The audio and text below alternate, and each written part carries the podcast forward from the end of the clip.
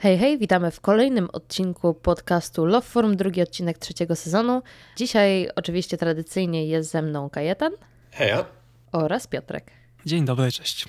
I jak to już u nas e, tradycyjnie bywa, musi być odcinek recenzja e, w sezonie, także ten sezon również się bez tego nie obędzie, ponieważ mieliśmy premierę nowych iPhone'ów e, niecały miesiąc temu i Kajetan tegoż iPhone'a sobie nabył, także dzisiaj na pewno będzie recenzja tego, no i dwie recenzje jeszcze, jedna ode mnie, jedna od Piotrka, ale to już niespodzianka, nie będę zdradzać.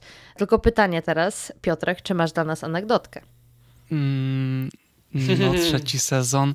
Znaczy, powiem tak, ja miałem jakąś, oczywiście teraz mnie zaskoczyłaś i niestety chyba sobie nie przypomnę, ale wiedziałem, że miałem coś ciekawego do powiedzenia. Jedną z rzeczy, które miałem już dawno temu, ale niestety nawet nie sprawdziłem, czy to jest fakt, ale na pewno kojarzycie za iOS 16 Zresztą o tym mówiliśmy, wycinanie tła to takie przyciśnięciem palca, które działa bardzo dobrze. Mhm. Tak jest. I okazało się, że Niektórzy myśleli, że z nowym macOSem to też weszło, ale wystarczy mieć zainstalowanego, no zainstalowanego, kupionego w zasadzie, bo to jest płatna aplikacja Pixelmatora i normalnie w podglądzie, w quick, znaczy nie w Quick Looku, tylko w preview, normalnie też się da wycinać rzeczy. To jest jedyna no ciekawostka, która mi na szybko przychodzi, także tak z rękawa to tylko to. No aplikacja jest dość droga, ale jeżeli ktoś nie potrzebuje Photoshopa, który kosztuje kilkadziesiąt złotych miesięcznie, a robi od czasu do czasu grafiki, no to 180 czy 190 zł jednorazowo, to jest całkiem niezła cena za tak dobry program, no i mamy wbudowanego w Maca, wbudowane w Maca szybkie wycinanie obiektów, także Tyle ode mnie na początek chyba. No to w takim razie, jeżeli Piotrek nie ma takiej anegdotki, anegdotki, to ja mam anegdotkę, którą e, podsłyszałam dzisiaj w pracy zupełnie przypadkiem. W e, najnowszych Apple Watchach serii e, 8, nowy SE oraz e, Apple Watch Ultra jest ta funkcja, która się nazywa Crash Detection. No i jak to z wieloma funkcjami bywa, dopiero faktycznie jak ludzie używają, no to wychodzi na to, kiedy tak faktycznie się te rzeczy triggerują. No i na przykład tak jak dla mnie fall detection się triggeruje jak gram w siatkówkę, więc mam wyłączone to na workoutach, bo inaczej cały czas jak tylko odbieram piłkę sposobem dolnym, to się mnie pyta, czy się przypadkiem nie wywróciłam. To crash detection aktywuje się w takich sytuacjach, jak na przykład jazda na e, roller coasterze. To też czytałem dzisiaj, I... wczoraj. No. tak, i ludzie e, jeżdżą właśnie na tych rollercoasterach, dostają powiadomienia, że e, są e, w wypadku i czy wezwać służby i jeżeli w ciągu 30 sekund się tam nie, nic nie zrobi, no to te służby zostaną wezwane. Tylko, że rollercoaster to nie jest jedyna taka, bo tutaj no by się wydawało, wiadomo, że rollercoastery to taka bardzo nieczęsta rzecz, by można było powiedzieć, tak? Wiadomo, że... Ale to jeszcze tylko do tego, bo pewnie przejdziesz do kolejnego przypadku, ale przecież on powinien myśleć, że jeżeli wypadek, no to coś się stało i stoisz w miejscu, a nawet po GPS-ie czy po, czy po innych ruchach ten zegarek powinien wiedzieć, że ty cały czas jednak się przemieszczasz i to dość szybko. Tak, do tego myślę, że oni wprowadzą do tego jakiś po prostu software e, patcha, ponieważ wydaje mi się, że chwilowo to działa głównie na acceleration i deceleration gwałtowne. Co ma w e, przypadku rollercoastera miejsce? No, możemy jakby, wiadomo, tutaj przewidzieć, że poruszamy się z dużą prędkością, e, obracamy się dużo razy i tak dalej, ale inny przypadek, który jest moim zdaniem e, bardzo śmieszny, to to jak e, ludzie mają traktory do koszenia trawy. Przez to, jak one wibrują, to okazuje się, że to też triggeruje e, crash detection, no i ludzie e, często tego nie zauważają. No i są bardzo blisko tego, żeby te służby faktycznie wezwać, co moim zdaniem jest e, no prześmieszne, ale wiadomo, że są konsekwencje takich e, e, akcji, także... No wszystkiego nie dało się przewidzieć wypuszczając te opcje. Dokładnie. Myślę, że nie testowali tego na rollercoasterach, także myślę, że niedługo wyjdzie jakiś software patch, i e, no, zostanie to tutaj zgniecione w zarodku, ale niemniej jest to przezabawna sytuacja, że e, jakby wprowadzają coś takiego i mówią, że o, nie chcemy, żeby kiedykolwiek e, musieli, żebyście kiedykolwiek musieli tego użyć, po czym nagle wsiada się na traktorek do koszenia trawy i czy jesteś w wypadku? Ciekawe, czy gdyby kierowcy Formuły 1 sobie to założyli, czy to są aż takie przeciążenia, mimo że rękami ruszają tylko przy skręcie, ale same przeciążenia. Ciekawe, czy by coś wyłapało. A to byłby ciekawy test, ale nie wiem, czy ktoś jest e, chętny to sprawdzić. Nie znam żadnego osobiście, niestety. Nie, ja słyszałem, że biżuterii nie można nosić do bolidu. tylko Lewis Hamilton może, więc nie wiem, czy to by się udało. Ja z kolei słyszałem, że, yy, znaczy słyszałem takie spekulacje, jak bardzo dokładnie szukają tych kolczyków po całym ciele, ale to tego już się tym bardziej nie dowiemy. To nie wchodźmy zbyt głęboko. Mo, może ten nie temat. ten odcinek, no. No, anegdotka zakończona. Kajto, oddaję ci, e, oddaję ci scenę. Scenę, ale scena to, no dobrze, nie będę nic mówił o scenie, bo stage już mi się z czymś innym kojarzy. Właśnie mi też, no. Ale zanim do tego przejdziemy, to zaczniemy od mojej recenzji w takim razie, która jest, tak jak już zapowiedziana, dotycząca jest nowego iPhone'a, iPhone'a 14 Pro, który miał posłużyć mi za pierwszy dowcip do, na dzisiejszy odcinek, ale to już się nie udało, więc no, jeśli zauważyliście, że nagrywam nowym mikrofonem, to tak, bo nagrywam nowym mikrofonem, był wbudowany w telefon i jakoś tak wyszło. Przygotowałem się, przyznam szczerze, tak naprawdę porządnie do tej recenzji. Jestem dumny z siebie, jak mi wyszło, bo jeszcze nigdy nie miałem tak rozbudowanych notatek pod recenzję czegokolwiek. Nie wiem, czy uda mi się dosięgnąć tej poprzeczki zawieszonej przez Piotrka jego zwykłą, codzienną recenzją, ale będę próbował. Nie, no bez przesady. A tak czysto z ciekawości, bo też czasem patrzę na swoje, jakie to są ilości mniej więcej notatek. Wiesz co, ja, ja piszę w notatkach i trochę nie wiem, jak mam to zmierzyć, bo... A, no, okej, okay, bo trzeba było przerzucić do Pages czy coś takiego. Mm, PDF-a wyeksportować. Trzeba by było PD, albo PDF-a zrobić z tego. Mogę na koniec zrobić z tego, no, ale to, to na koniec ogarniemy. E, podzieliłem moją recenzję na trzy części. Trochę się inspirowałem Piotrkiem, trochę się inspirowałem, próbowałem inspirować MKBHD, gdzie mam tutaj mini segmenty i chciałbym przede wszystkim właśnie opowiedzieć o tych segmentach, którymi będą kamery nowego telefonu, ekran nowego telefonu i taki segment półprofesjonalny, który nazywa się inne po prostu, bo już nie znalazłem innych segmentów, które by tak bardziej to w wielkim wiaderku skupiały. Mm, więc tam jeszcze dojdziemy na koniec. Słowem wstępu jeszcze tylko, ja się bawię już od trzech tygodni i trzech dni, czyli od dnia premiery, bo udało mi się go kupić w dzień premiery, 16 września. Zamawiając tego samego dnia rano, udało mi się go potem odebrać w Apple Store, jednym z Apple Store'ów w Los Angeles, więc byłem bardzo szczęśliwy jak dziecko. Udało mi się odebrać konkretnie model 14 Pro biały z 256 GB pamięci wbudowanej. I tak, i jedyne co było jeszcze może takie niecodzienne z tym moim użytkowaniem tego iPhone'a, przez pierwszy okres, to znaczy przez, no właśnie, jak tak 3 tygodnie i 3 dni używam tego telefonu, to tak naprawdę tylko od 11 dni, policzyłem, tylko od 11 dni używam tego telefonu jako mojego głównego jednego telefonu. 11 dni temu dopiero przełożyłem, przełożyłem, jest dosyć mocno w cudzysłowie w tym momencie, bo fizycznego SIM nie ma u mnie w telefonie, a to przełożyłem SIMa do swojego telefonu 11 dni temu. Nie ma u mnie w telefonie, bo jest kupiony model w Stanach Zjednoczonych, a te modele w tym roku nie mają fizycznej karty SIM, miejsca w ogóle na to, więc jakoś zacząłem korzystać z eSIM w tym momencie. A musiałeś robić jakieś machloje, czy miałeś to bez problemu w swojej sieci? I to jest ciekawe. Ja jestem w T-Mobile, więc to jest ta sieć, która eSIM ogarnia bez problemu. Chyba oni każą płacić. Nie, ja w ogóle nie dopłacałem. Nie, właśnie jest termo. Płacą, płaci się w T-Mobile za eSIM na zegarku, jakby jeśli chcesz okay, mieć i zwykłe pamiętam, SIM okay. w telefonie i eSIM na zegarku, ale ja już jakby nie mam w ogóle zwykłego SIM fizycznego, tylko eSIM. I proces był, no właśnie może słowo o tym procesie jeszcze tak pod kątem tego, jaka przyszłość nas czeka z eSIM. Tak jak teraz jak użytkuję, to w sumie jest wszystko w porządku.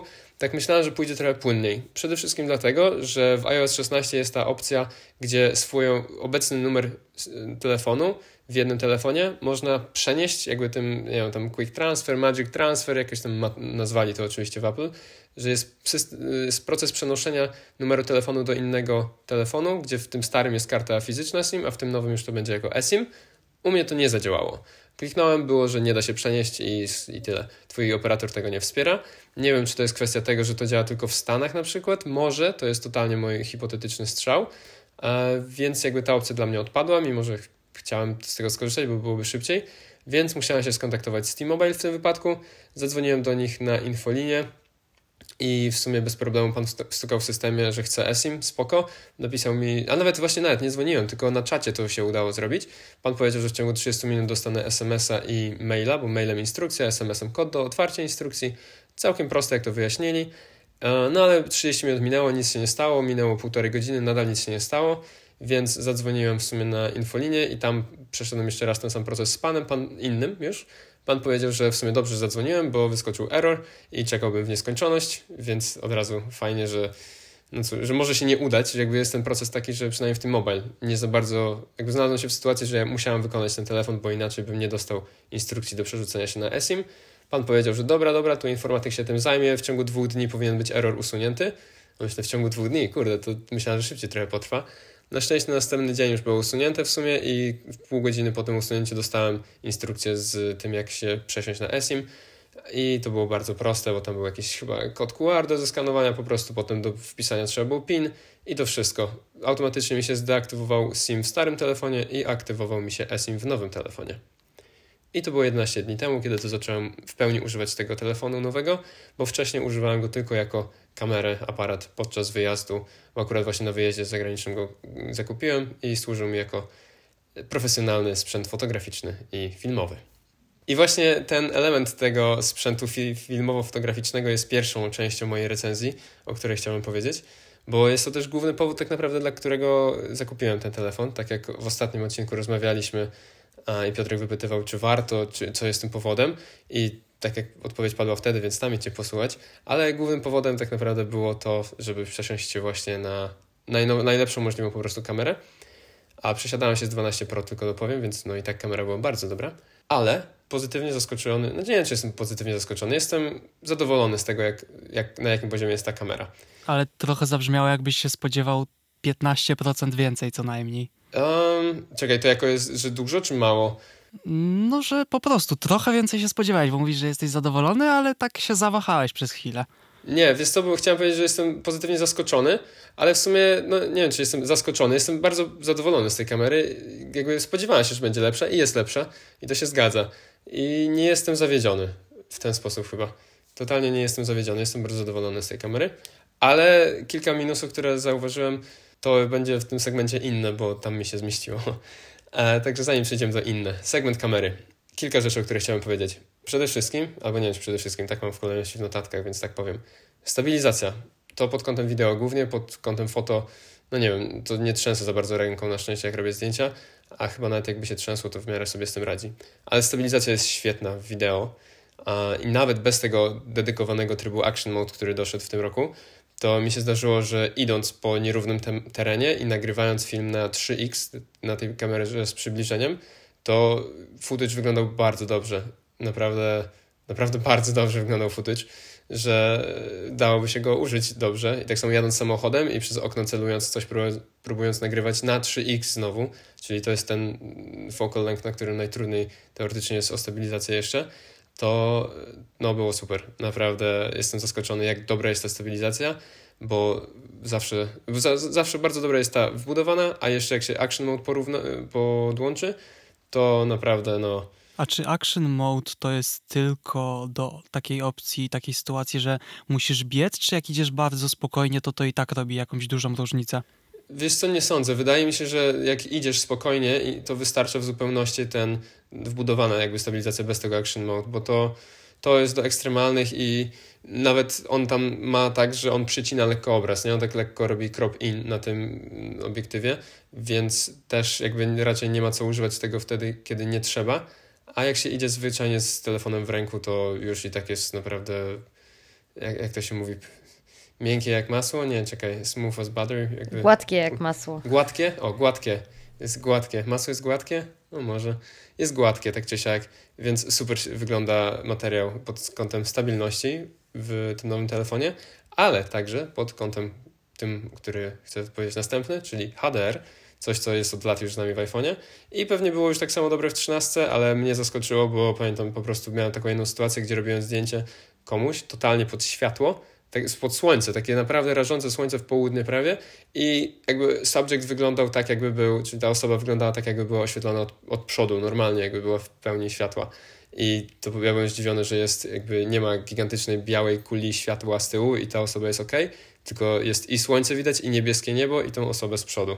Więc jakby HDR, ta, ta mm, fotografia komputerowa, to się chyba nazywa, radzi sobie naprawdę dobrze, bo robi sobie tych zdjęć bardzo dużo na różnych ustawieniach i jak to złącza w jedno wspólne zdjęcie, to efekt jest świetny, bo widać wszystko i w cieniach, i na highlightach, i, i po prostu no wow. I na zdjęciach, i na filmie HDR jest świetny.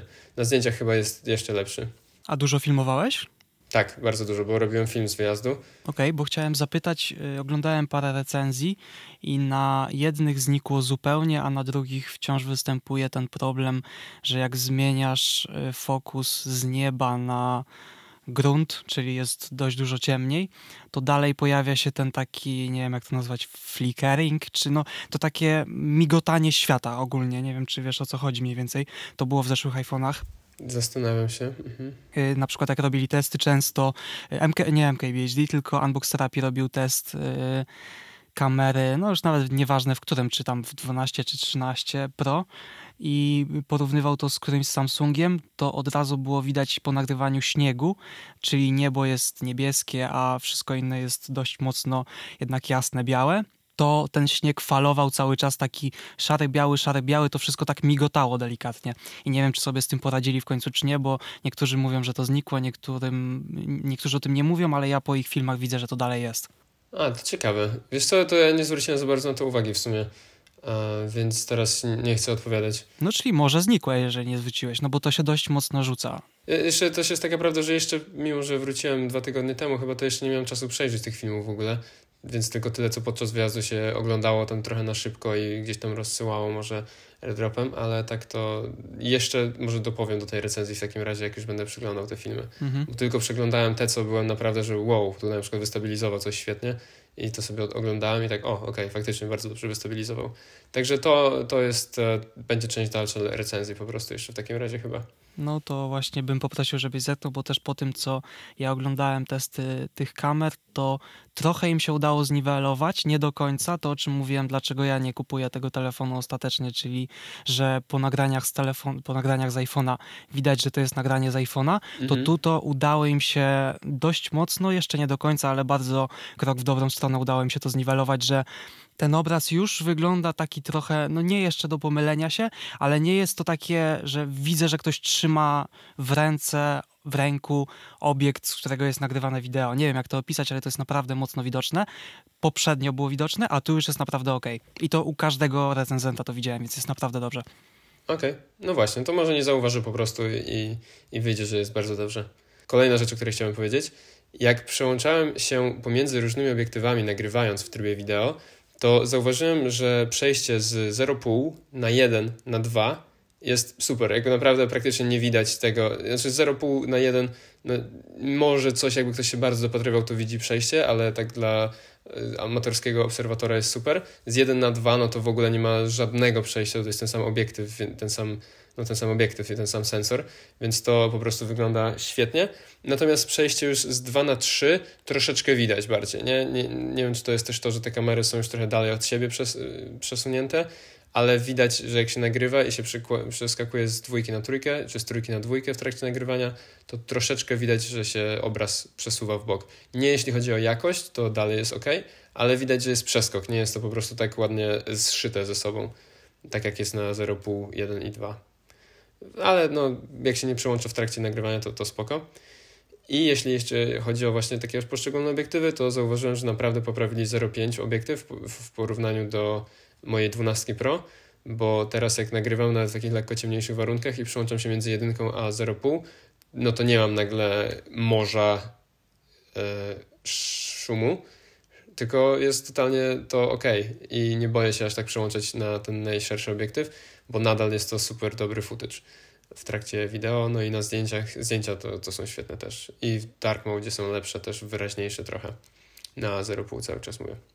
E, jeszcze szybko, chyba honorable mention jest taki, że selfie kamera z autofokusem się pojawiła i widać chyba różnicę, bo są naprawdę, znaczy nie wiem, czy to jest połączenie tego i jakieś tam jeszcze innych ulepszeń w ich pipeline, które się teraz nazywa Photo, Photonic Engine, o, tak się nazywa tej ich pipeline computational photography teraz, ale zdjęcia z przedniej kamery i filmy z przedniej kamery są super, bo też HDR w filmach świetnie się trzyma i jakby ktoś chciał używać tego do narzędzia, jako narzędzia do vlogowania, to pewnie się da.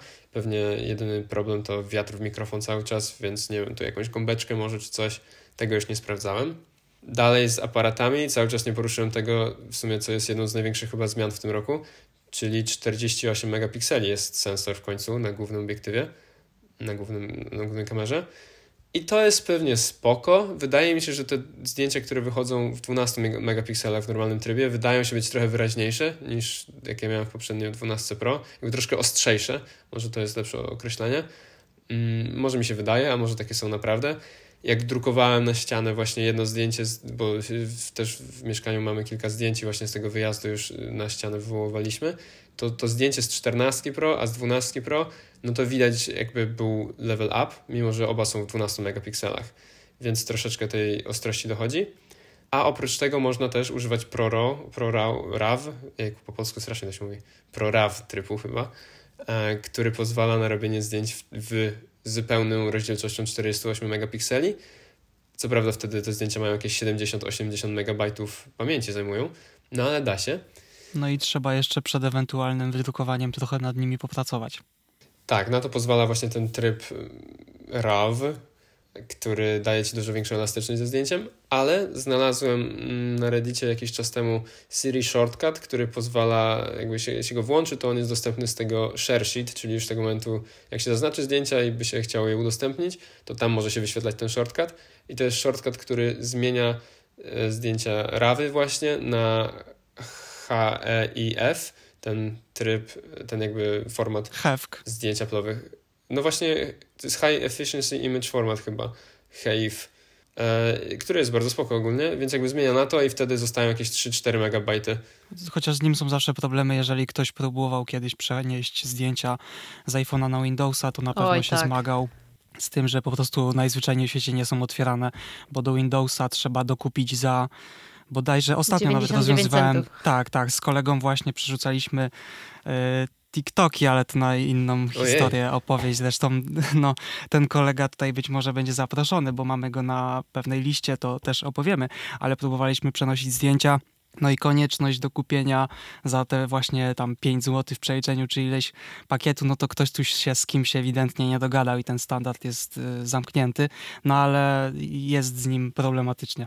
No to ja tak miałam generalnie, jak pracowałam na suporcie jeszcze, że bardzo często jak ludzie wysyłali zdjęcia czy filmy, to jak były z iPhone'a, to no był problem z tym, żeby je otworzyć. Ja z filmami to sobie akurat radziłam po prostu je od, e, otwierając nie w e, tym e, stokowym Windowsowym VLC, playerze, tylko... VLC ci otworzy wszystko. Tak, na VLC sobie otwierałam, więc wtedy to było ok. Ale właśnie ze zdjęciami też był problem, zwłaszcza w ogóle na początku, z filmami był taki problem, że one, e, jak dwunastka weszła z tym e, super HDR-em, nie? No wszystko fajnie, jak jest otwierane na, na iPhone'ie, ale jak się wyświetlało to no, na komputerze, to wszystko tak, było tak prześwietlone, że w ogóle nic nie było widać. Także to było też mocno problematyczne. Także no widać, że się nie lubią specjalnie firmy ze sobą. Chociaż to nawet kiedyś zauważyłem w zwykłej rolce telefonu, właśnie te nagrania z HDR-em, jak je klikam, to mi nagle podświetla, tak mam jest. wrażenie, jakby mi dwa razy jaśniej walił ekran po oczach, bo musi to wszystko wyrównać. To jest mocno irytujące. No, to taka jest, tak jest. Jak masz widok tych, takie kafelki i klikasz, to się zdecydowanie podjaśnia. Też to widziałem mhm. właśnie. Jakby ładnie wygląda może, jak nie jest prześwietlone, ale no, podjaśnia. E, ale też chciałem powiedzieć tylko, że na, na przykład jak ja zawsze rzucam zdjęcia na Maca i dopiero potem zapisuję na dyskach innych, na przykład na Windowsie, no to w Macu dosyć łatwo można zaznaczyć zdjęcia, otworzyć w preview i tam wyeksportować wszystkie sobie jako JPG, nie? Więc to jest spoko, ale faktycznie jest problem z kompatybilnością.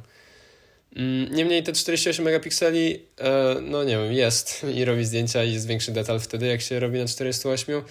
Czy jest to komuś potrzebne? Pewnie właśnie jakby ktoś chciał tapety robić, czy e, wdrukować te zdjęcia w dużym formacie. Mm, polecam bardzo mocno ten Siri Shortcut, żeby zmienić sobie, jeśli ktoś się nie chce bawić w kolorowanie tego zdjęcia, bo jakby to zdjęcie w rawie i tak wygląda kolorystycznie dosyć, jeśli nie identycznie, to bardzo podobnie do tego zwykłego, mi się wydaje przynajmniej. E, więc można zmienić format i się nie przejmować za bardzo tymi funkcjonalnością rawów.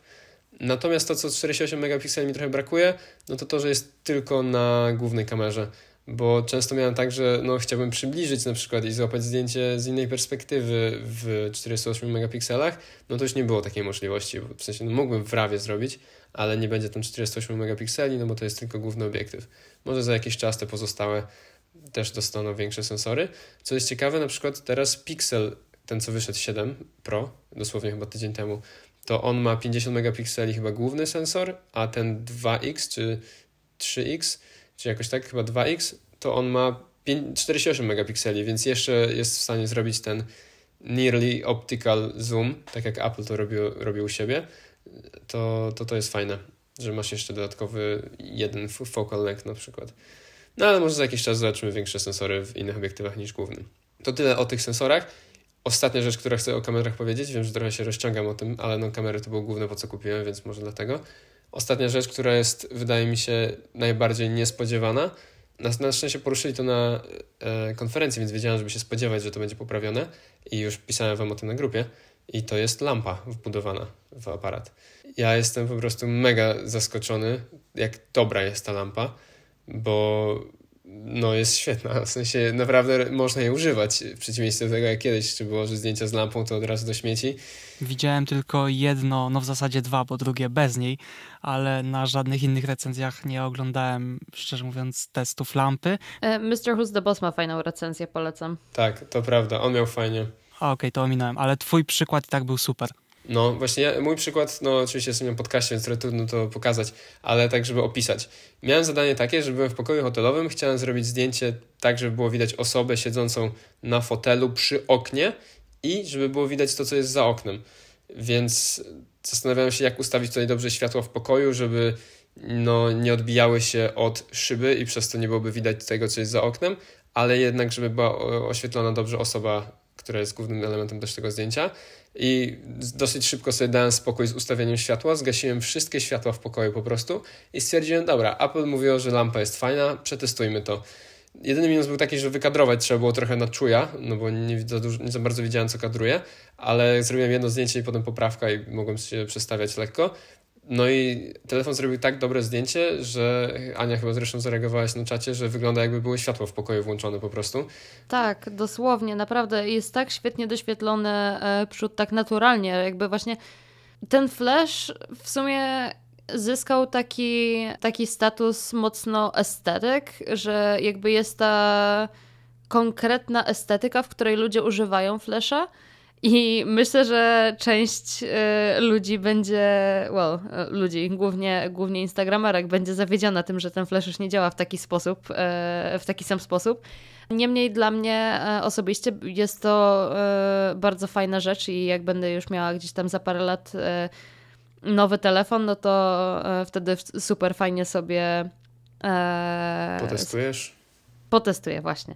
Jedyne, co zostawiło na zdjęciu, to taki tylko mały kawałeczek tej bieli na szybie za tak, osobą, wiesz... która siedziała, ale to jest dosłownie w Photoshopie, czy nawet jakimś podstawowym programie z App Store'a. Można to dosłownie jednym kliknięciem usunąć, to zdjęcie jest idealnie doświetlone. Tak, to się tylko wymarza szybciutko. Tak, ja powiem więcej, można było wysłać wam inne zdjęcie po prostu, bo tutaj po prostu telefon był ustawiony tak, że widział idealnie na wprost siebie szybę, a jakby telefon wiesz, 2 cm w dół i 3 w prawo, to już ta lampa by się odbijała, nie odbijałaby się, bo nie byłoby na prostej linii do szyby, tylko do mnie w sumie, mhm. jakbym ja ją zasłaniał. Ale bo to wysłałem jakoś tam na szybko wam zdjęcie i jeszcze też ich nie zdążyłem przejrzeć tak do końca, ale też zwróciłem na to uwagę że faktycznie widać troszeczkę tam odbicie. No jak się robi zdjęcie przed szybą z flashem, to zazwyczaj jest odbicie. Chyba, że właśnie by stanąć tak, że na środku to trochę lepiej będzie. No ale zdjęcie po prostu ja byłem mega zadowolony i też dzięki temu, że robimy to z lampą, zamiast robić to z oświetleniem zewnętrznym, ale w słabym oświetleniu zewnętrznym, no to zdjęcie nie jest ruszone ani nic, bo on daje taką ilość tego światła, że wszystko jest jakby no, idealnie ostre też, a czasem jak jest długie naświetlanie, no to no, akurat dobry jest night mode, ale nie wiem, tak mi się kojarzy z zeszłych, starszych też aparatów, że trochę łatwiej jest poruszyć, jak no, na dłużej się otwiera nam ta przesłona. E, więc to jest super i właśnie ten filmik Mr. Who's the Boss, który Ania też poruszyłaś, że robił recenzję, tam on nawet o tyle fajnie pokazał, że chyba jakby stanął w jednym miejscu i z każdej z czterech obiektywów zrobił i pokazał jak też ten flash inaczej pracuje, jak robić zdjęcia na 0,5, a inaczej na 3x bo on ma tam też 9 diodek i on tam używa innych diodek, żeby oświetlić akurat to tak, żeby wyglądało jak naturalnie i IMO naprawdę robi dobrą robotę w tym. No faktycznie jakby właśnie yy, serio bardzo polecam sobie obejrzeć to yy, porównanie, bo jakby ludzie zawsze myślą, że o dobra, flash to flash, ale yy, ten test właśnie on tam porównuje z S22 Ultra chyba, o ile dobrze kojarzę. i pokazuje to, jak bardzo dużą różnicę to robi. Po prostu te zdjęcia z iPhone'a wyglądają naturalnie.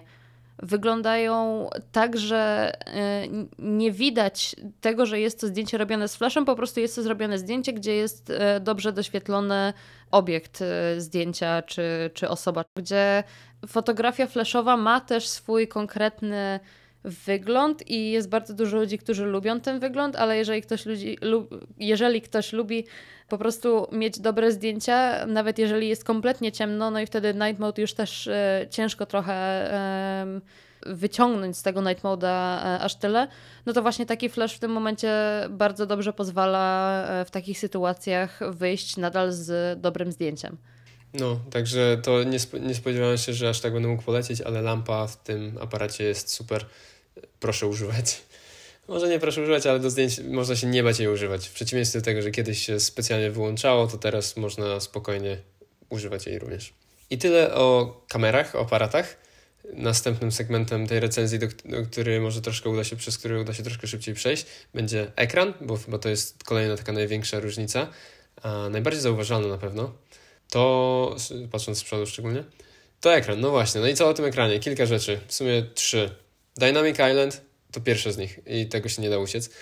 Jest Dynamic Island, pojawiła nam się taka mały, taka mała pigułka jakby u góry, która w sobie chowa obiektyw oraz sensory i Face ID, jakieś takie różne rzeczy.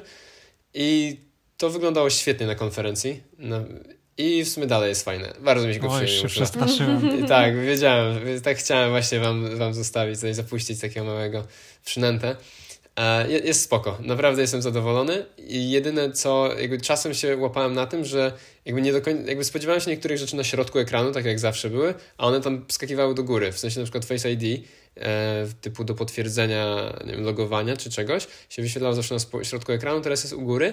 I czasem zdarzyło mi się, że nawet przeoczałem prawie te animacje, bo jeszcze nie wiedziałem, żeby się ich spodziewać u góry, a nie na środku ekranu, co no po prostu się trzeba przyzwyczaić, że jakby myślisz, że coś jeszcze się ładuje, a to już się w sumie zdążyło całe zanimować i, i przeszedłeś dalej. No i naprawdę fajnie to wszystko ze sobą po prostu współgra. Te animacje, jak to jest zrobione, ta płynność, znowu płynność tego, przełączanie się pomiędzy różnymi rzeczami, bo też na przykład jak jest timer włączony, to można na tej wyspie tak w prawo albo w lewo przesunąć i wtedy się robi szerszy albo węższy ten, ten widget, ten mały element w sumie, czyli na przykład pokazuje nam tylko, że jest timer włączony, albo że jest i timer i ile zostało jeszcze tego timera, i fajnie to działa też, jak jest więcej niż jedna rzecz, bo na przykład timer i muzyka też mogą obok siebie współistnieć i wtedy się robi nam po lewej stronie taka pigułka, po prawej taka kropelka i to też fajnie wygląda. A zauważyłeś jakieś aplikacje firm trzecich poza właśnie muzyką, bo to pewnie łapie z każdej aplikacji, które już z tego korzystają? Wiesz co, no właśnie nie, za, nie korzystam z chyba stylu jeszcze aplikacji trzecich, żeby to zauważyć, bo ja tam tak naprawdę to, co ja głównie widziałem tam, to muzyka, i ewentualnie podcasty. I do obu tych rzeczy używam natywnych aplikacji w sumie. I nie wiem, czy wiedziałem cokolwiek więcej. Z tego co wiem, czy e, third party apps e, normalnie działają, bo wszystko to jest jakby oparte A, na to jest tym na widgetie w sumie, tym co normalnie jest chyba na home screenie. Tak, także wszystko co działa normalnie z jakimkolwiek playerem muzycznym, czyli właśnie Spotify, czy Tidal, czy inne takie, one wszystkie normalnie działają z Dynamic Island. Tak, tak, ale chodziło mi, czy są jakieś aplikacje, no bo na przykład już wyszła ta gra, pewnie widzieliście gdzieś się... Czy nie widzieliście? Nie. No wyszła gra, która kojarzycie mm, tę piłeczkę, na dole mamy belkę, która się porusza prawo-lewo i odbijamy piłeczką i wyszła gra, tak. która odbija się od tej Dynamic Island. Więc, y, no ale to jest zupełnie inne wykorzystanie, ale chodziło mi o aplikację firm trzecich bez playera, tylko które jakkolwiek robią skróty, tak jak właśnie odliczanie zegarka, bo nie wiem, nie patrzyłem, czy są aplikacje, które po prostu w jakiś sposób, którego bym nie wymyślił, już tam sobie coś doklejają na górze. Myślę, że może być, bo to jest tak samo, e, wydaje mi się, że to jest dokładnie ten sam e, framework praktycznie co z widgetami, więc e, myślę, że bardzo szybko deweloperzy wskoczą tutaj na ten ten pociąg. Pociąg, tak. Zwłaszcza, że na Androidzie już jest mnóstwo różnego rodzaju um, tego Dynamic Island. Po sobie nawet ściągnął na swojego Samsunga, ale szybko wyłączył, ponieważ nie było właśnie żadnych third party. I no, w momencie jak nie ma third party, no to jest to kijowe, bo tylko tak na dobrą sprawę chyba mapy Google miały e, tego widgeta tam, a tak poza tym no to ciężko. Także e, tutaj pod tym względem wiadomo, że ludzie mówi, e, mówili, że będzie to najbardziej kopiowany feature, tylko że dopóki on nie jest faktycznie oficjalnie skopiowany przez jakby Androida, no to ciężko tutaj, żeby on wszedł tak mocno do mainstreamu, bo deweloperzy nie będą e, robić pod każdą jedną apkę, którą sobie ktoś zrobił, nie będą robić pod to swoich widgetów, no bo to wiadomo, że ciężko, no bo dużo tego jest. No nie, zdecydowanie nie. Też pamiętajmy, że dopiero trzy tygodnie temu wyszedł telefon, może tam było zapowiedziane, był cztery tygodnie temu, tak? Czy, czy jakoś tak, cztery i pół, więc jeszcze to pewnie trochę trwa. Ale jedno, co jeszcze ja zauważyłem, to w aplikacji Apollo, to jest aplikacja dla Reddita, jedna z lepszych.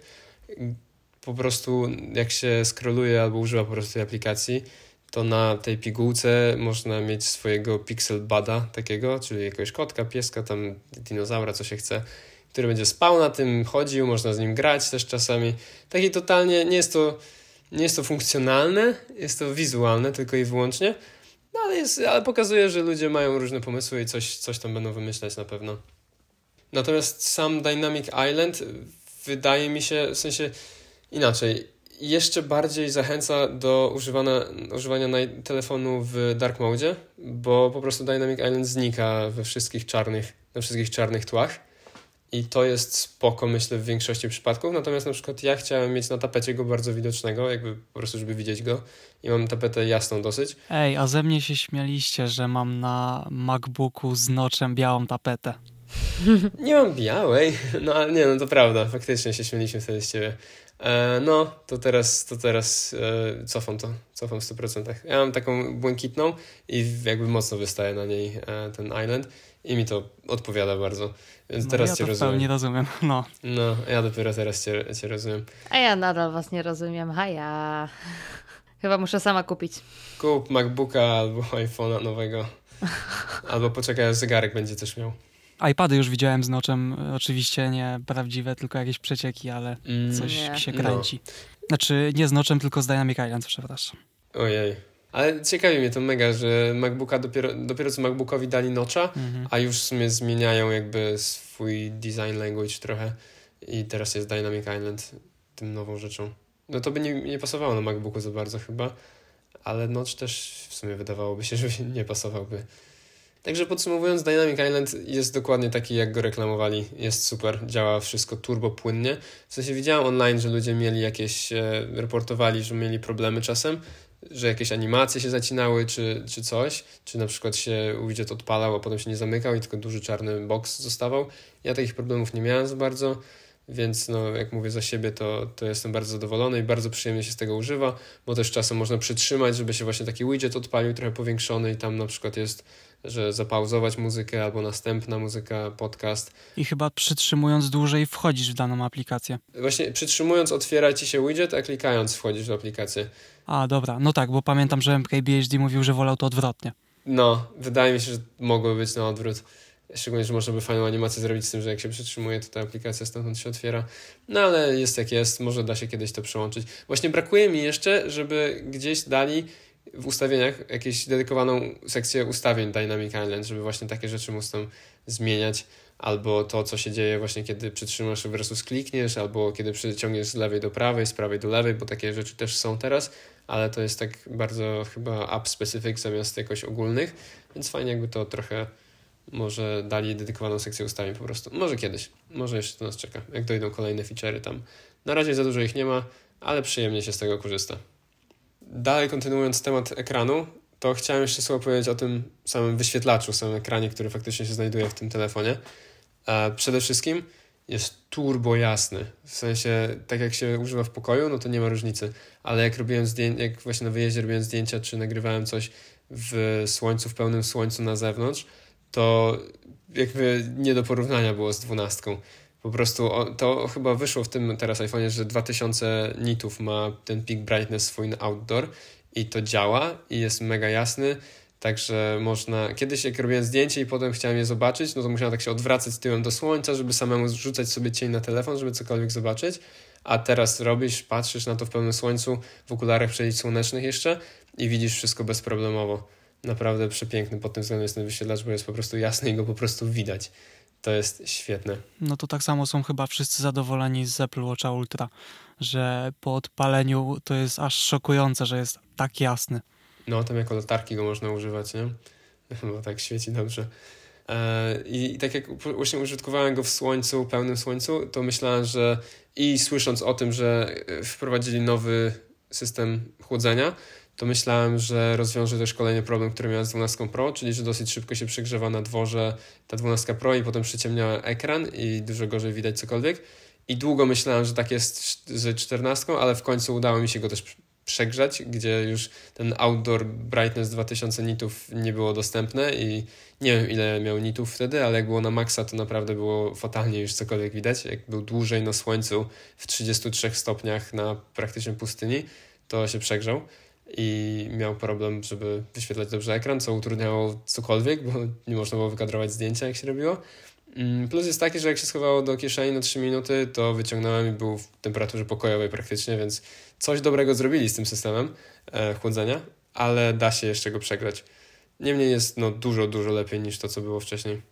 No i ja się przesiadłem pierwszy raz na promotion, bo w 12 Pro nie było, teraz jest. 120 Hz jest super, widać i z animacjami, z Dynamic Island świetnie działa. Czyli już jesteś na tym etapie, że już nie będziesz w stanie nigdy wrócić do tamtych ekranów, bo zobaczyłeś już ten.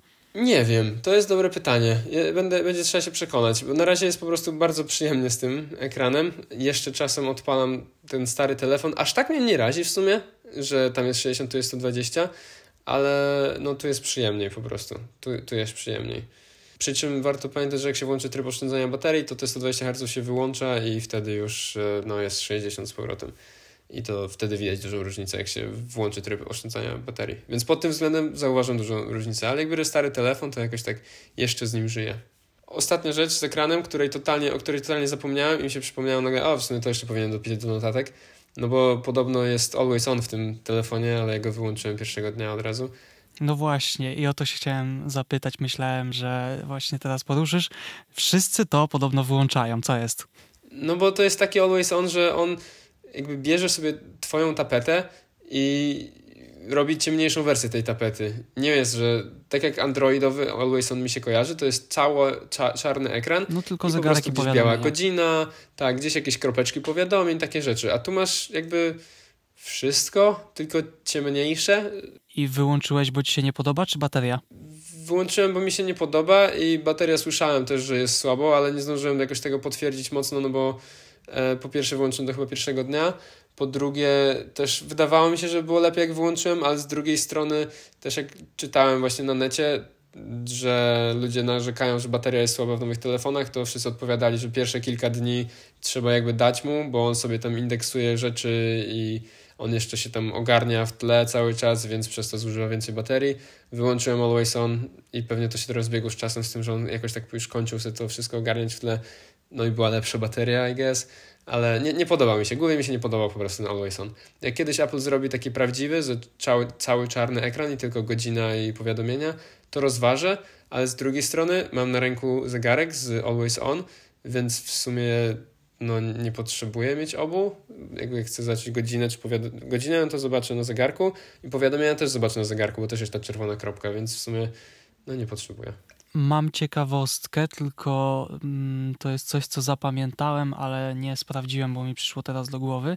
Podobno jest tak, że jeżeli zostawisz w pomieszczeniu iPhone'a z włączonym tak, Always On, ale masz na ręku zegarek i wychodzisz, to ten Always On na iPhone'ie się wygasza, bo wie, że i tak masz zegarek. Że cię nie ma w pokoju, no? No i tak jak mówisz, że przydałyby się jakiś dodatkowy zestaw ustawień do y, Dynamic Islands, to tutaj też mogłoby być, że właśnie albo prosta rzecz, albo chcę tapetę, albo chcę zegarek, albo weź mi to wyłącz. No, no. Szczególnie, że jakby technologia jest tam też obecna. No, ludzie robią na przykład focus mody, inny focus mode, który będzie miał tylko czarną tapetę i wtedy włączają sobie ten focus mode, który zmienia tapetę na lock screenie, która jest cała czarna. No, w sumie ciekawe. I masz wtedy tylko białą godzinę no i te ikonki na dole, chociaż nie wiem, czy one są w sumie. No ale jakby to, te rzeczy masz, więc to jest idea jakaś, no bo już też on tylko się odświeża wtedy 1 Hz, a nie 10, 60 czy 120, więc teoretycznie bateriowo powinno być ok. Nie testowałem tego zbyt długo, bo mówię, wyłączyłem i nie wydaje mi się, żebym to potrzebował. To tak jak ja wyłączyłam Always On na moim zegarku też jakby kompletnie nie, nie moja bajka. Za jasne to jest dla mnie. A nie, to tego już nie rozumiem. Za jasne? Nie, mi, mi akurat na zegarku odpowiada. Nie, nie, nie, podoba mi się. Gdyby to było tylko właśnie wyświetlona godzina, tak jak jest, e, jak się włączy ten power saving mode, to i, i wyświetla się tylko godzina, to wtedy taki bym mogła mieć e, always on, ale przez to, że to jest całe to wszystko, co mam, tylko że ciemniejsze, to tak. Ee. Mi właśnie mega pasuje ten Always On. No, ja też na zegarku lubię. No, bo właśnie widzę wszystko, co bym chciał widzieć od razu i w sumie to mi akurat tam jakieś rzeczy, jak są na tym face'u, face'ie, to też, też spoko. Chociaż ja to lubię nawet w momencie, gdy a tylko takich tarcz używam, że jest tylko zegarek. Nie mam żadnych innych powiadomień, skrótów, niczego. Mam zegarek na ręku, jak patrzę, jest tylko godzina i tak mi się podoba w tych różnych zestawieniach, że jest przyciemnione, ale dalej widzę to samo w, takiej, w takim samym kształcie, a nie właśnie tylko jak przy tym oszczędzaniu baterii to małe na po prawej chyba na zielono czy coś takiego. No, także jak do Apple Watchowego Always On znajdują się oponenci i proponenci, to pewnie tak samo jest z iPhone'owym Always On, więc ja jestem akurat tutaj oponentem, nie używam, nie podobało mi się. Kończąc te dwa segmenty główne, chciałbym przejść do mojego ostatniego segmentu recenzji, który jest e, fantastycznie zatytułowany Inne po prostu. I tu będzie kilka tylko szybkich rzeczy, które chciałem poruszyć, gdzie najważniejszą pewnie jest, jest taki segment, który mógł być też segmentem głównym, ale no, u mnie był trochę pobocznym, bateria bateria w tym telefonie, to też chyba nawet poruszyłem, jak rozmawialiśmy ostatnio, że jednym z powodów, dla których zmieniam, takim pobocznym, jest to, że po prostu chciałem, żeby dłużej mi ten telefon trzymał na baterii. I to się udało. Trzyma mi dłużej na baterii. Bardzo jest w porządku. Myślałem w sumie, że będzie jeszcze lepiej, bo myślałem, że będzie niesamowicie, niewyobrażalnie czy coś, a jest bardzo dobrze. W sensie totalnie wystarcza mi na cały dzień i kończę dzień zazwyczaj tak z 30-40% baterii, więc jak dla mnie spoko totalnie spoko. Kiedyś kończyłem no tak, że musiałem ładować w ciągu dnia na przykład, albo kończyłem tak, że dojeżdżałem już na power saving i tam kilka, kilkanaście procent, więc teraz jest spoko. Nie jestem jakoś bardzo heavy userem, ale na przykład jak tak w ciągu dnia pracy, no to tak patrzyłem, mam 3 godziny screen on i oprócz tego tak przez pół dnia pracy, czyli przez jakieś 4 godziny audio leci mi z telefonu na głośniki przez Bluetootha, więc to jest taki jakiś screen off activity też, też trochę i to na pewno trochę żre, ale i tak kończę wtedy dzień z tymi 30-40%, więc jak dla mnie spoko, jest dużo lepiej. No, nie udało mi się go jeszcze w jeden dzień rozładować. Wydaje mi się, że jak wtedy jeszcze służył mi tylko za aparat i cały dzień biegałem, robiłem zdjęcia i filmy, to ładowałem go w ciągu dnia, a to też nie było tak, że ładowałem go z 5%, tylko tam z kilkudziesięciu jeszcze, żeby po prostu podładować trochę. Ale jestem zadowolony. Bateria jest ok. Pewnie jakaś e, mapa GPS e, podczas trasy, do tego muzyka streamowana na samochód, jasność, bo jest na przykład e, dzień i trzeba, żeby było widać na ekranie, co się dzieje, to to mogłoby go trochę zbić, jakbyś tak przez parę godzin gdzieś jechał. No ale to wiadomo. Nie, no to jest na pewno. To na 100%, no jasne. Jasne, że tak. Mm, natomiast ten, wydaje mi się, że ten tryb oszczędzania energii całkiem dobrze sobie radzi i całkiem dużo dodaje. Mm, jakoś mocno go nie włączałem, bo nie chciałem mieć pozbywać się 120 Hz, ale te kilka razy, co go włączyłem, to wydawało mi się, że naprawdę bardzo fajnie zostawała bateria. Wtedy jakby no, nie, nie leciała w dół, szczególnie na stand-by'u, to, to praktycznie stała w miejscu godzinami, więc e, spoko. Bateria jest, e, nie wiem, 9 na 10 bo nie jest niesamowicie, niewyobrażalnie, ale jest bardzo dobrze, naprawdę. E, kilka innych szybciutkich rzeczy, to już takich przechodząc nawet powoli do minusów. Na koniec mam jedną rzecz taką do zastanowienia, taką taki food for thought trochę, ale to na koniec. Teraz szybkie rzeczy jeszcze, które chciałem poruszyć. Tak jak e, też z Tobą mówiliśmy jakiś czas temu, używam MagSafe Duo już od dłuższego czasu i pamiętam, że jak wyszedł, wyszła trzynastka, to już był problem, że jakoś tak te obiektywy nachodzą, że on ledwo, ledwo może się ładować na tym MagSafe'ie. Teraz obiektywy są jeszcze większe. Jak? W jaki sposób? E, bo już są za duże i po prostu on się opiera lekko na obiektywie na tym MagSafe'ie. A, dobra, bo jeżeli jest na mniej więcej na środku jabłka jest środek tego, środek ładowarki. MagSafe'a, no tak, okay. no bo to jest jakby kółko, A nosisz w etui, czy nie? bardzo góra dół. Tak, ja noszę w etui.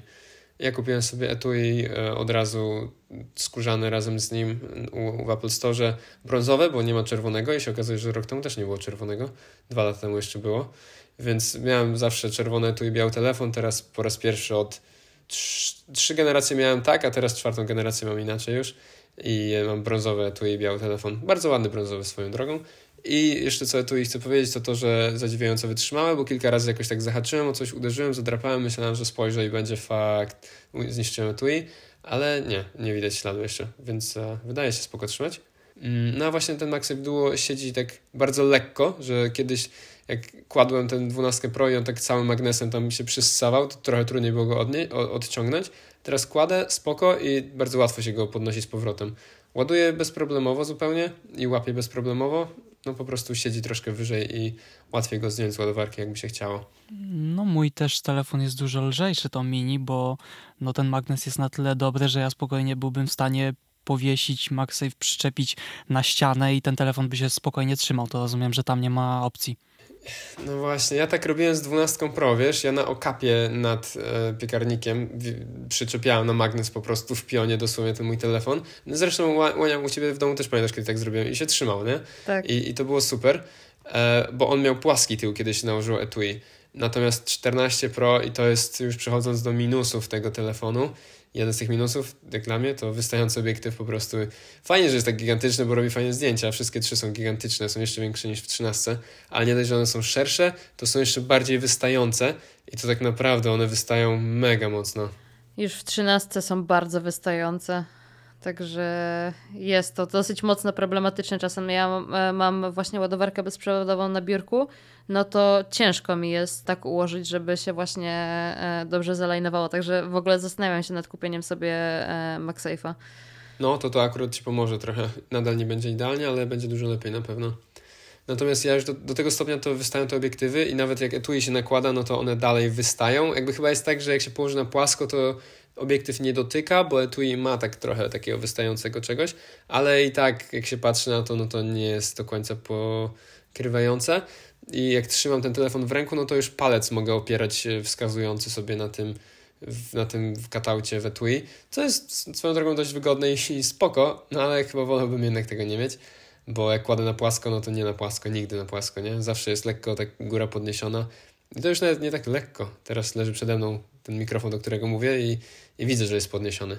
Więc no do tego się, nie wiem, czy trzeba przyzwyczaić, to trzeba zaakceptować po prostu, nic się z tym nie zrobi. Można by kupić etui, który ma 3 mm plecki, ale to chyba nie ma sensu.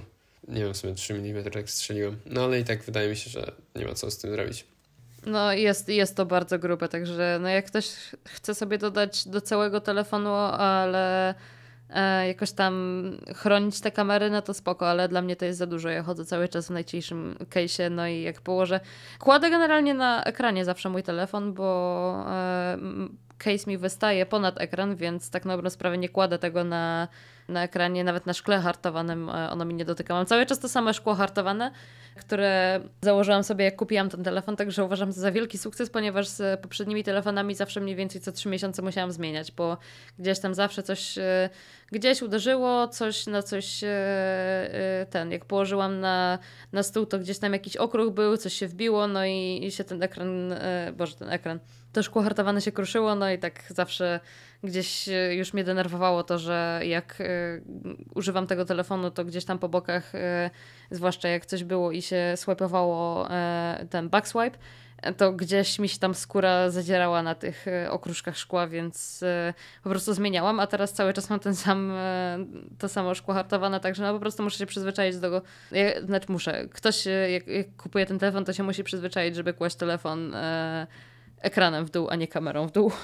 To właśnie o tym szkle jeszcze ja chcę powiedzieć słówko, bo też jak ja kupowałem, to wiedziałem, że chcę od razu nałożyć i jakby po prostu szkło hartowane na telefon, bo stwierdziłem, że, że nie będzie lepszego momentu na nałożenie szkła niż tuż po wyjęciu z pudełka, więc dosłownie wyjąłem z pudełka, uśmiechnąłem się do siebie i poszedłem od razu założyć szkło, nawet nie uruchamiając telefonu ani nic. I wydaje mi się, że to był dobry ruch, długoterminowo. E, natomiast kupiłem szkło właśnie w Apple Store i tam to, które mieli, to było... Oni tam sprzedają szkła? Tak, nie, nie swoje, ale belki nowe. Oni Belkina chyba lubią całkiem i tam Belkina jest dużo rzeczy. I właśnie kupiłem Belkin Ultra Glass, bo takie było, takie nie zwykłe. Tam były jakieś takie, że jakieś antyodblaskowe, czy jakieś tam powiększające, czy jakieś, że z pod kątem nie widać tak dobrze. Ja chciałem najzwyklejsze po prostu szkło hartowane. I muszę powiedzieć, że mogę bardzo do, mocno polecić to szkło, bo w sumie tak jak używam go, no, mam to szkło, nie wiem, 3 tygodnie, to jak dla mnie wygląda fantastycznie po prostu. Nie dość, że nie jest jakoś porysowane, to po prostu palców aż tak dużo nie przyciąga.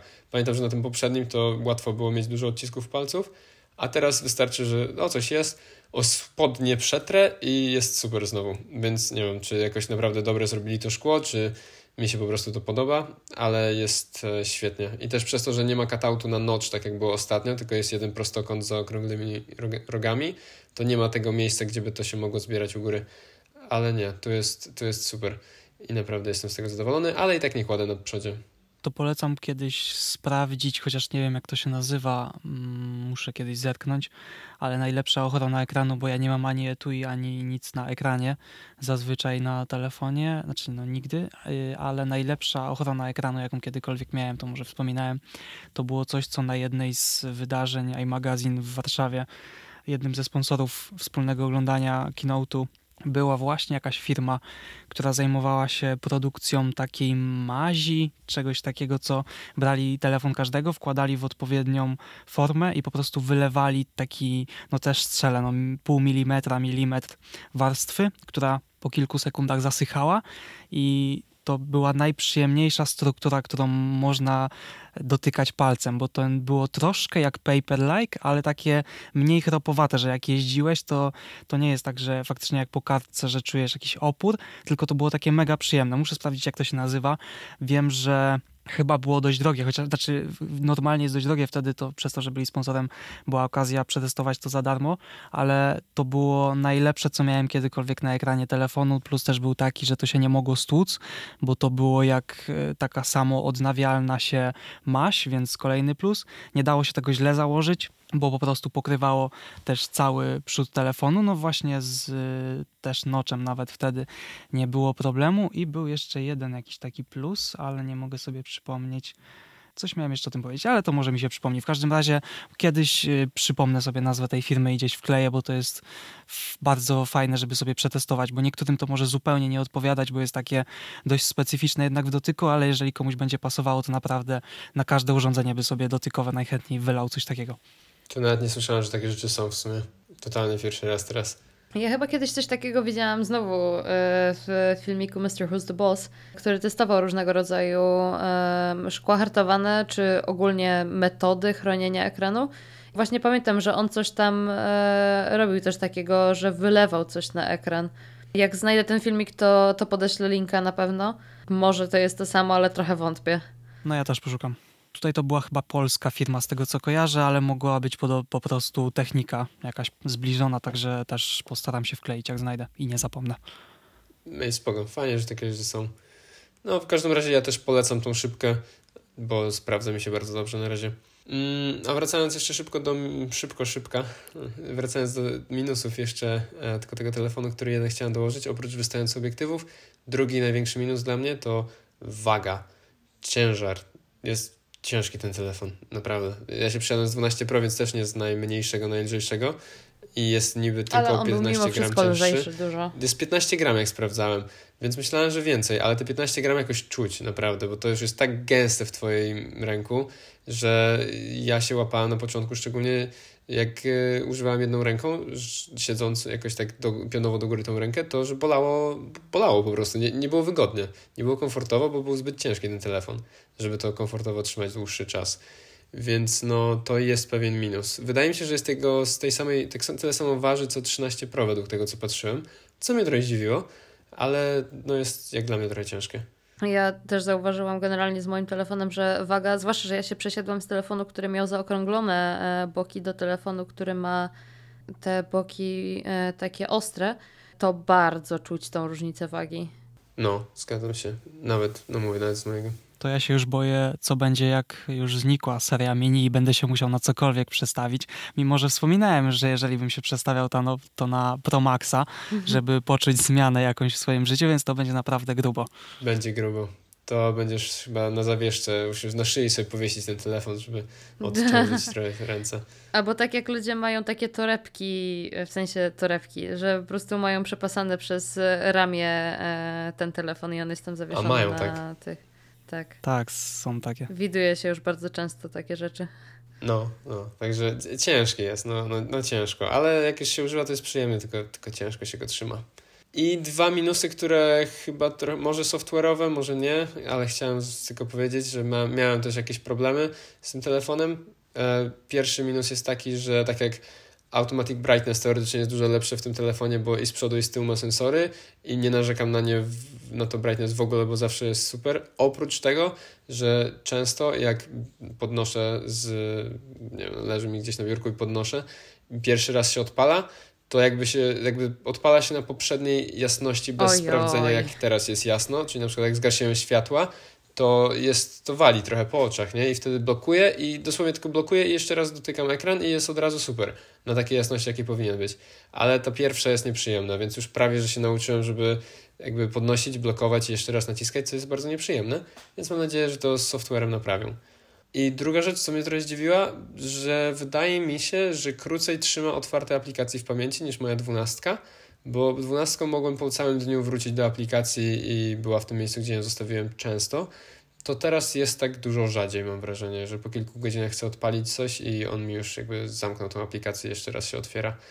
Nie wiem, czy to też jest. To, no to jest dziwne, bo to dziwne, powinno być więcej RAMu, więc powinien sobie lepiej z tym radzić. Nie wiem, czy to można jakoś zoptymalizować. Myślę, że to może być coś z softwarem i e, poprawią to. Mam nadzieję, bo to takie, no, się kupuje lepszy telefon z większą ilością RAMu, teoretycznie, żeby lepiej takie rzeczy działały. No ale, ale tak w moim przypadku niestety nie jest w tym momencie. I to podsumowuje mniej więcej moją recenzję. Może oprócz właśnie tego ostatniego punktu pod dyskusję, zastanowienie, które mi przyszło do głowy, jak zaczynałem używać tego telefonu. Patrząc na to, że Apple wypuściło w tym roku Apple Watch Ultra, który ma w sobie dedykowany action button.